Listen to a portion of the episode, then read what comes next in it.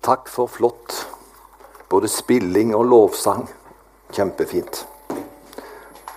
Og nå har eh, Siv lest det som er teksten min. Det syns jeg er fantastisk flott. Fordi eh, Da trenger ikke jeg lese den, men det er den jeg skal tale over. Det som hun leste fra Lukas 9, 28-36. Men før jeg gjør det, så vil jeg jo fortelle om to ting som eh, går gjennom mitt hue i dag. Det første var jeg våkna, og så får jeg se at eh, Johaug, Therese Johaug har tatt sin tredje OL-gull individuelt i dag. Er ikke det bra? Tenk hva hun har reist seg igjen. Førre OL fikk hun ikke være med på. Og så har hun kommet tilbake. Det gjorde hun ved førre VM, og så ble det krona med OL. Den tredje distansen. Og hun tok gull på en suveren måte i dag. Jeg syns det er bra. Og Norge gjør det jo så godt. Jeg må si at det er et vidunderlig vindu for meg i noe annet enn som har med Bibelen å gjøre. Og da er idrett fantastisk. Og jeg gleder meg over det som skjer. Det er det ene jeg vil si. For, for vi ønsker jo å trykke gudstjenesten også til livet, ikke sant? Det skjedde i dag. Og så er det en annen ting som er mye, mye annerledes, for det er dystert, det er trist, det er alvorlig. Det kan bryte ut krig i Ukraina. Det er så alvorlig at det kan gjøre det. Og da vet vi at da kommer krigen faktisk totalt plutselig inn i Europa. Og Derfor må vi ta det med oss i bønn. Eh, det er et høyt spill som pågår. Og skulle det bli en krig der, så vil det gjøre noe med hele Europa og verdenssituasjonen. For da blir alt forflytta, og da blir det et annet fokus. Og da blir det kraftig tilbakegang. Så kan vi ikke være med det også i våre bønner og be om fred i Ukraina. At det ikke det skjer ting som går i negativ retning. Og Sist søndag så samla vi jo inn en kollekt til bibler til Ukraina. Eh, Bibelselskapet hadde det som fokus, og vi ga en gave herifra også. Og da ble det gitt til institusjoner, sykehjem, gamlehjem, andre, for det er så mye fattigdom. Og de skriker efter en bibel. Og så fikk vi være med på den måten også, sammen med hele Kristen-Norge, som eh, samles om bibeldagen og bibler til Ukraina denne gangen. Så vi husker på det landet, de kristne der, men hele situasjonen og, og verdenssituasjonen, det tar vi med i bønn. Jeg hadde bare lyst til å si det, så knytter vi gudstjenesten også til det virkelige livet der utenfor. Og så skal vi ta for oss det virkelige livet med Gud herfra og inn nå. Og Derfor er det så fint å se dere, fint å samles. Og så skal jeg bruke tiden min klokt. Jeg skal gå rett på sak herfra og holde meg til det som er talen min i dag. Som det ble sagt, så har jeg kalt det for en himmelsk fjelltur. Og jeg må bare si det at jeg er ikke flink til å gå i fjellet, Siv. Eh, men jeg liker bedre å gå på fjellet med, med bein på enn med ski på. Det kan jeg si. Så eh, det er godt å komme ut. Eh, det er greit, men at jeg har gått fra den ene fjelltoppen til den andre, det har jeg ikke gjort. Og det skal jeg ikke skryte på meg, men det er jo en annen fjelltur vi skal ta for oss i dag, som vi allerede har hørt om. Og jeg sa det når vi samles til bønn klokka halv elleve i dag. Vi som er med oss og forbereder gudstjenesten, vi samles jo til bønn i forkant. Og Da sa jeg at jeg har jo talt nå og skal tale over kirkeårets tekster. Iallfall dette halvåret. Og egentlig de har valgt ut tekstene med omhu. Eh, så, så, så, disse tekstene er jo fantastiske, for nå er de begynt på en reise som skal ende med påsken i Jerusalem. Så endestasjonen egentlig for det vi starter opp i dag, det ender på Jesu død på korset og hans døde oppstandelse. Men så er det en vandring dit, og disse tekstene legger opp eh, stasjoner før vi ender der. Og det er en viktig stasjon som vi tar for oss, men det ender altså i påsken. Og vi er glad for at den kommer jo om noen uker. Eh, her er Jesus begynt på sin reise mot Jerusalem og korset. Så når vi tar for oss teksten i dag, så husk det. Det er en begynnerreise for Jesus mot Jerusalem og korset. Og på veien, som vi leste, så tar han med seg tre av sine nærmeste disipler opp på fjellet for å be. Fjellet er kalt for Forklarelsens berg. Du skjønner, Det var ikke mye verken vegetasjon eller bebyggelse der. En høy, høyt fjellområde. Og jeg er sikker på at Jesus tenker at det, la oss være lengst mulig unna det trafikkerte livet. Og så tar han med seg disiplene. Og så får de tenke mens de går opp, og så er de der en stund. Og så får de også fordøye det på vei nedover igjen. For det er litt avstand, som vi ser, fra Forklarelsens berg til det vanlige livet. Og Jesus, han går opp på Forklarelsens berg for å søke Guds vilje med det som skal skje for han videre. Han ønsker å vite med sikkerhet hva er Guds vilje med det jeg skal gjøre. Han vil ikke bare gjøre det hvis det ikke er Guds vilje som er bak det. Han søker faktisk talt Guds godkjennelse av det avgjørende skrittet han nå etter hvert skal ta som ende på korset. Og oppå det fjellet som vi nettopp har sett, så viser Moses og Elias seg for ham mens han er der og ber. Og det er ingen tilfeldighet at det er Moses og Elias som viser seg for Jesus.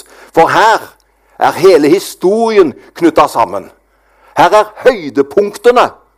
Og for ikke snakke om det høydepunktet som Jesus representerer. Men de to andre høydepunktene som de andre to personene representerer, det er jo Moses, som var israelsfolkets lovgiver. Tenk bare på loven, ikke sant? Hva betydning den har fått. Hvordan han var for sin samtid, og også for sin eftertid. Han var det store forbildet, Israels lovgiver. Og Elia han var den største av profetene. Så her er det altså på en måte, her samles som jeg kan si, de, virkelig de tre store. Men det var jo forskjell på de to store og han som står der. Men de representerer en fantastisk tidsepoke. Og disse tre, for det leste de om Og det syns jeg er, er sterkt. Og de faktisk alt samtaler disse tre om hva som skal skje da Jesus skal gi sitt liv på korset. Er ikke det, ikke det spesielt? Det er det og ingen andre samtaler disse tre har. Moses og Elia og Jesus. De samtaler om hva som skal skje på Golgata da Jesus skal gi sitt liv. Og etter den samtalen så kunne Jesus være 100% sikker på det er Guds vilje at de skal gå til Jerusalem. Lurte han bitte litt før det, så fikk han en bekreftelse da han samtalte med Moses og Elia. De ble skjønt enige om det var det som var Guds plan. Han var 100% sikker på Jesus. Han må innom Jerusalem og dø for menneskeheten. Kan jeg få være evangelist en liten, lite øyeblikk? For Vanligvis når jeg taler, så taler jeg som pastor, ikke sant? Som uh, forkynner. Som en som ønsker å gi menigheten mat på den måten. Men nå har jeg lyst til å være evangelist et lite øyeblikk. Og evangelisten, han har fantasi. Så det jeg skal si nå, det sier som evangelist som bruker litt farger nå. Så derfor sier det sånn Det som jeg sier nå, det står ikke i Bibelen. Men det går an å allikevel med sin fantasi touche noe som må være rett allikevel. Og nå er jeg et lite øyeblikk evangelist når jeg skal komme inn på Moses og Elia. De var jo døde, og de var i dødsriket. Vet du jeg tenker da? Moses og Elia og de andre som døde i troen på Gud, de var der. Og der de er, så venter de virkelig på Tenk når forløsningen kommer.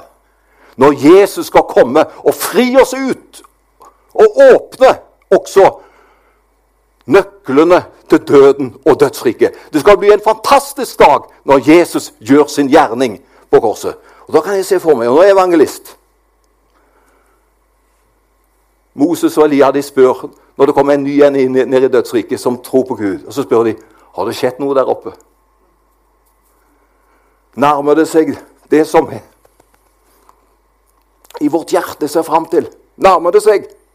Så kommer plutselig, vet du, gamle Simon.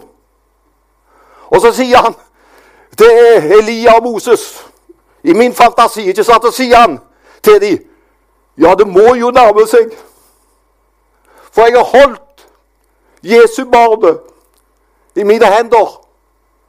Og jeg sa når det skjedde Nå kan du la din tjener fare herfra i fred, for mine øyne har sett din frelse. Og så var det ikke lenge etterpå. Så kommer Simon ned, og så kan han fortelle det må nærme seg. Nå er det ikke hundrer av år lenger. Jeg har hatt han i mine hender. Så går det noen år. Så ser jeg for meg at det er en annen som kommer der. Det er han som et øyeblikk i fortvilelsen sier eh, til, til de andre, for da var han i fengsel. For da lurte han på er Jesus den som skal komme, eller skal vi vente en annen. Og så blir det sendt bud efter Jesus. Og så får Jesus høre at Johannes er anfekta, for han har jo opplevd litt og vært i livet sitt. Og så lurer han på har det skjedd. Er Jesus den rette? Og så får jo Johannes høre i, i tilbakemeldingen Jesus har sagt at jeg skal si til deg, Johannes Døve hører, lamme går, blinde ser. Og evangeliet forkynnes for fattige, og salige er de som ikke tar anstøt for meg. Da fikk jo Johannes den bekreftelsen som han trengte. Jesus er der. Og så dør han. For alle må jo dø. Så kommer han ned vet du, i dødsriket. Og du vet, Da spør jo Moses og Elia det tradisjonelle spørsmålet når nye kommer inn. Nærmer det seg? Og da kan, i min tanke, da, Johannes si Om det nærmer seg, ja! Han er i full sving. Evangeliet forkynnes. Blindes ser og lamme hører. Og evangeliet forkynnes for de fattige. Ja, jeg skal si det nærmer seg, sier Johannes. Så går det litt til, vet du. Og jeg tror rett og slett det blir hallelujastemning nede. Tror du ikke det? Det må jo være fantastisk å vite det at det, Er det så nærme? Og så blir Elia og Moses sjøl budsendt. For nå er Jesus oppe på fjellet. Og så kommer de. Og da er det blitt så nærme, det som skjer, at Moses og Elia på egen hånd får samtale med Jesus om hva som skjer der oppe. Det er full av glede. Og så får de komme opp på fjellet, og så møter de Jesus der. Er ikke det et vakkert bilde? Der har jo endelig disiplene våkna. Men før det så er det midtpunktet. Ser du hvilket lys det står der? At det, det skinte over hans klær. Det var en utstråling. Himmelen forteller det er noe dramatisk, herlig, ubeskrivelig som kommer til å skje. Og der står Moses og Elia på hver side av han, og de samtaler om Jesu død og hva som skal skje på korset. For en mektig stund. Moses og Elia kommer fra den andre siden, og så snakker de i en fortrolig samtale med Jesus hva som skal skje. Det er det absolutt viktigste av alt det viktige som blir samtaleemne. De taler med Jesus om hans bortgang, som han skulle fullbyrde Jerusalem. Jesu forsoning for alle menneskene ble samtaleemne. Og da har jeg skrevet på manuset mitt, jeg skal ikke ta tid, jf. hebreerbrevet, står det. Og vi vet hva hebreerbrevet bl.a. sier om alle disse ofringene. vet du, ikke sant? Det måtte ofres påske efter påske. Tenk du om vi skulle ha påske på den måten at det stadig måtte ofres dyr. For å holde balanse i dette her med synd ikke sant? og tilgivelse. De, de, de sona jo for synd, ofrene. Men det var bare midlertidig. De varte så kort. Og Derfor måtte det stadig ofres nye dyr, fordi i mellomtiden så gjorde vi jo ny synd. Og det måtte ofring til. Men så står det i Hebreabrevet så kommer Jesus Kristus som det fullkomne offer. Og det var så fullkomne at det trengtes bare én gang. Og det offeret feirer vi hver påske, og vi feirer det i dag hele året. Det var ett offer som ble brakt, for det trengtes ikke gjentagelse. Det var et fullkomment offer, og det gjelder for all menneskets synd. Og Derfor har jeg bare lyst til å si det. Uansett hvilken synd vi har gjort i fortid, nå eller i framtid, vet du hva? Alt av synd er tilgitt. Ingenting av vår synd gjør at vi trenger av den grunn å gå fortapt. For synden er sona. Den er betalt i fortid, nåtid og framtid. Men det er avhengig av én og så viktig ting. Vi må ta imot frelsen. Vi må ta imot tilgivelsen. Det offeret som Jesus har gjort, det må vi si ja til. Jesus, jeg trenger det. Jeg trenger den tilgivelsen. Jeg trenger det som du har sona. Og da gjelder det Se, det er Guds lam som bærer bort noe synd. Som bærer bort all synd. Ikke fantastisk? Han kunne bære bort all synd, han. Derfor trenger det ikke repeteres. Han har gjort det en gang for alle. Det er noe som vi kan leve på. Det er noe vi kan forkynne. Det finnes ingen synd som i, i seg sjøl gjør at vi trenger å gå fortapt. For synden er betalt. Vi må bare ta imot redningen, billetten, som er Jesus Kristus og Hans nåde. Himmelen på nyttårsaften kan jo være vakkert. Det spørs hvor vi bor henne. Men jeg regner med at eh, himmelen i Stavanger på nyttårsaften, altså når det går eh, ved midnatt, den er fantastisk. Men det er peanuts hvordan denne himmelen var i stråleglans. Dette øyeblikket når Jesus og Moses og Elias samtale, himmelen åpnet seg. En mektig atmosfære. Tid og evighet gikk i ett. Himmelen og jorden. Og så er det så riktig. Det er så helt avgjørende. Det var ikke den fantastiske himmelen de satt igjen med. Det var ikke Moses og Elia de satt igjen med. De satt igjen med han som vi skal sitte igjen med. Som er helt avhengig av. Derfor står det da de så opp, så de ingen andre enn Jesus Kristus alene. Det er noen vet du, som er veldig opptatt av himmelen og bruker dette bildet. Så du det skinnet som var på himmelen? Så du hele himmelen var opplyst? Så du klærne til Jesus? Det var fantastisk! Så ble de opptatt av mer sånne sekundære ting. Det er fint det for det understreker noe, men vi må jo ikke glemme det Jesus det dreier seg om. Det var han som ble åpenbart. Det var han som stilte seg fram. Kan jeg få komme med et sånt åh. Tenk i denne sterke atmosfæren så sover disiplene. Er ikke det merkelig?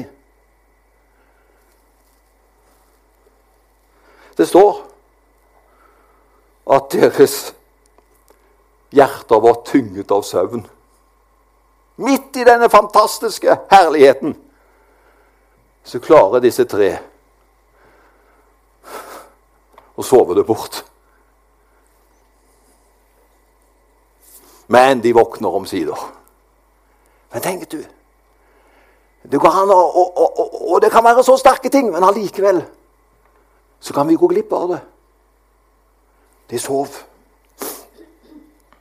Men når disiplene våkna, så står det disse viktige ordene. Hør hva det står.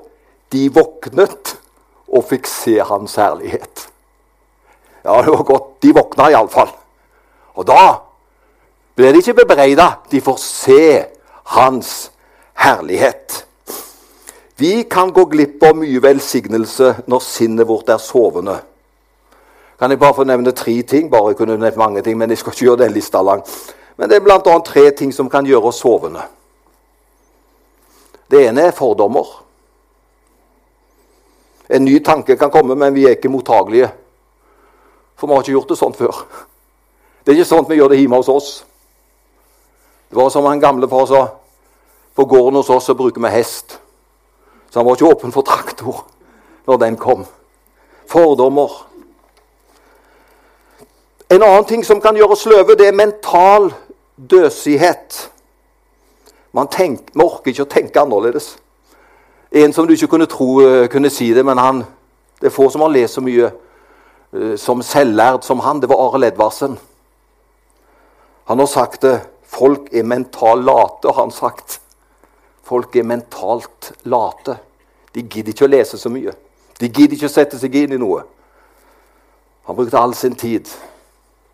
Han fikk ikke utdannelse når han skulle hatt den. han hadde kommet langt. Det var en fra en professor på BI som sa det hadde Arild gjort de rette tingene, så kunne han vært en av enerne i Norges land.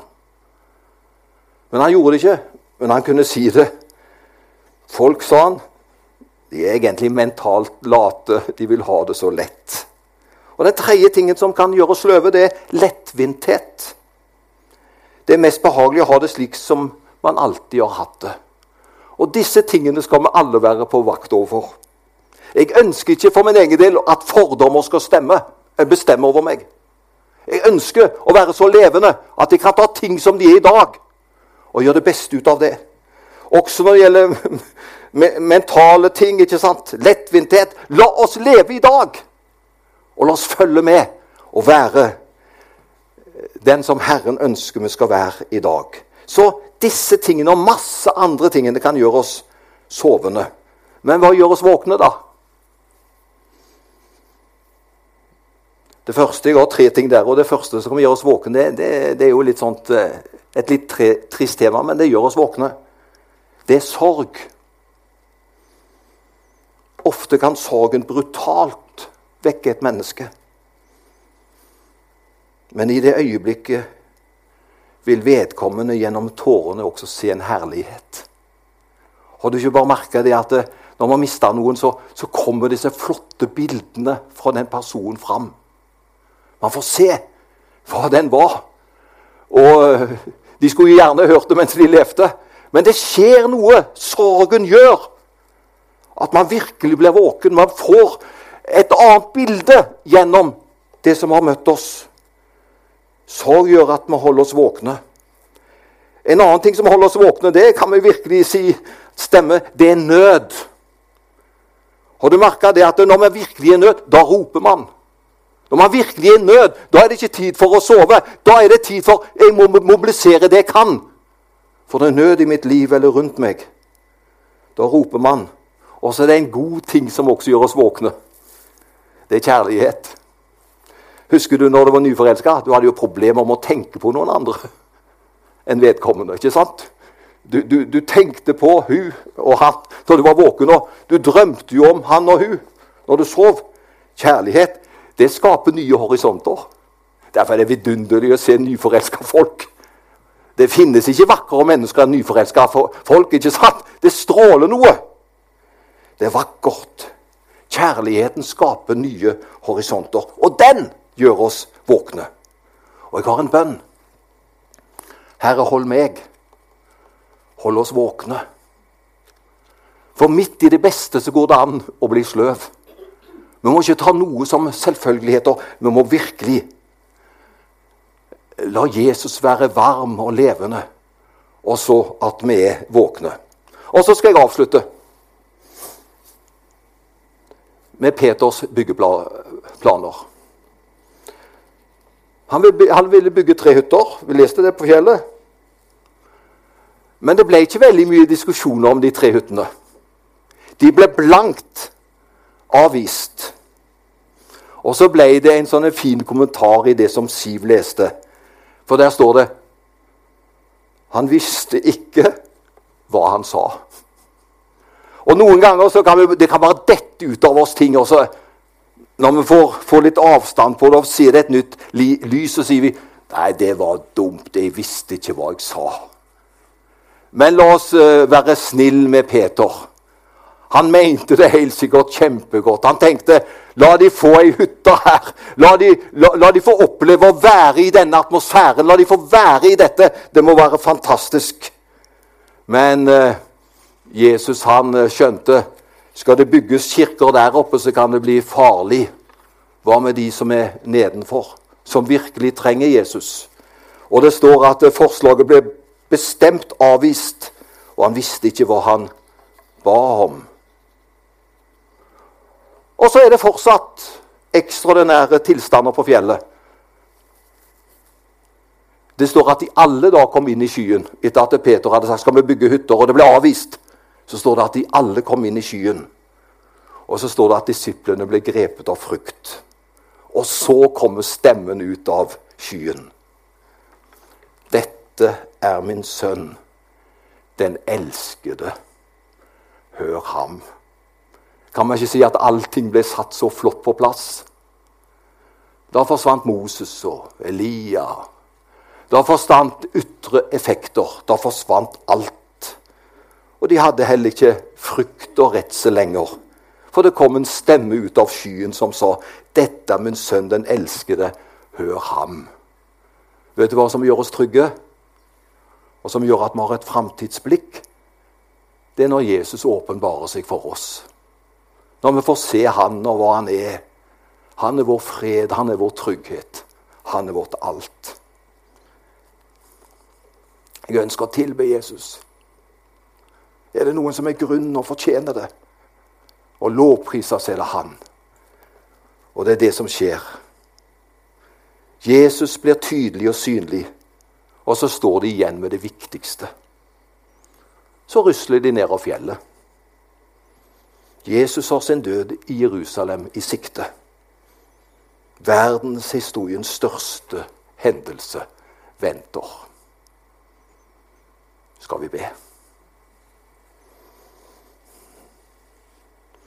Herre, takk at du også minner oss på at vi skal ha rett fokus. Og det er det vårt, vårt blikk på deg som er avgjørende for vårt liv og for vår situasjon. Hjelp oss, Herre, at uh, ting rundt oss kan inspirere oss, men at vi må sitte igjen med deg. Det er du, Herre, som må tre fram. For det er bare det vi til syvende og sist kan stole på. Og ditt verk, det holder. Og takk at vi er blitt minnet om i dag at det, nå har du begynt på vandringen til Jerusalem. Og det var alt for oss. Det var det vi trengte. Så velsigner du denne dagen. Velsign oss på alle måter. Takk for din storhet og din herlighet. Amen.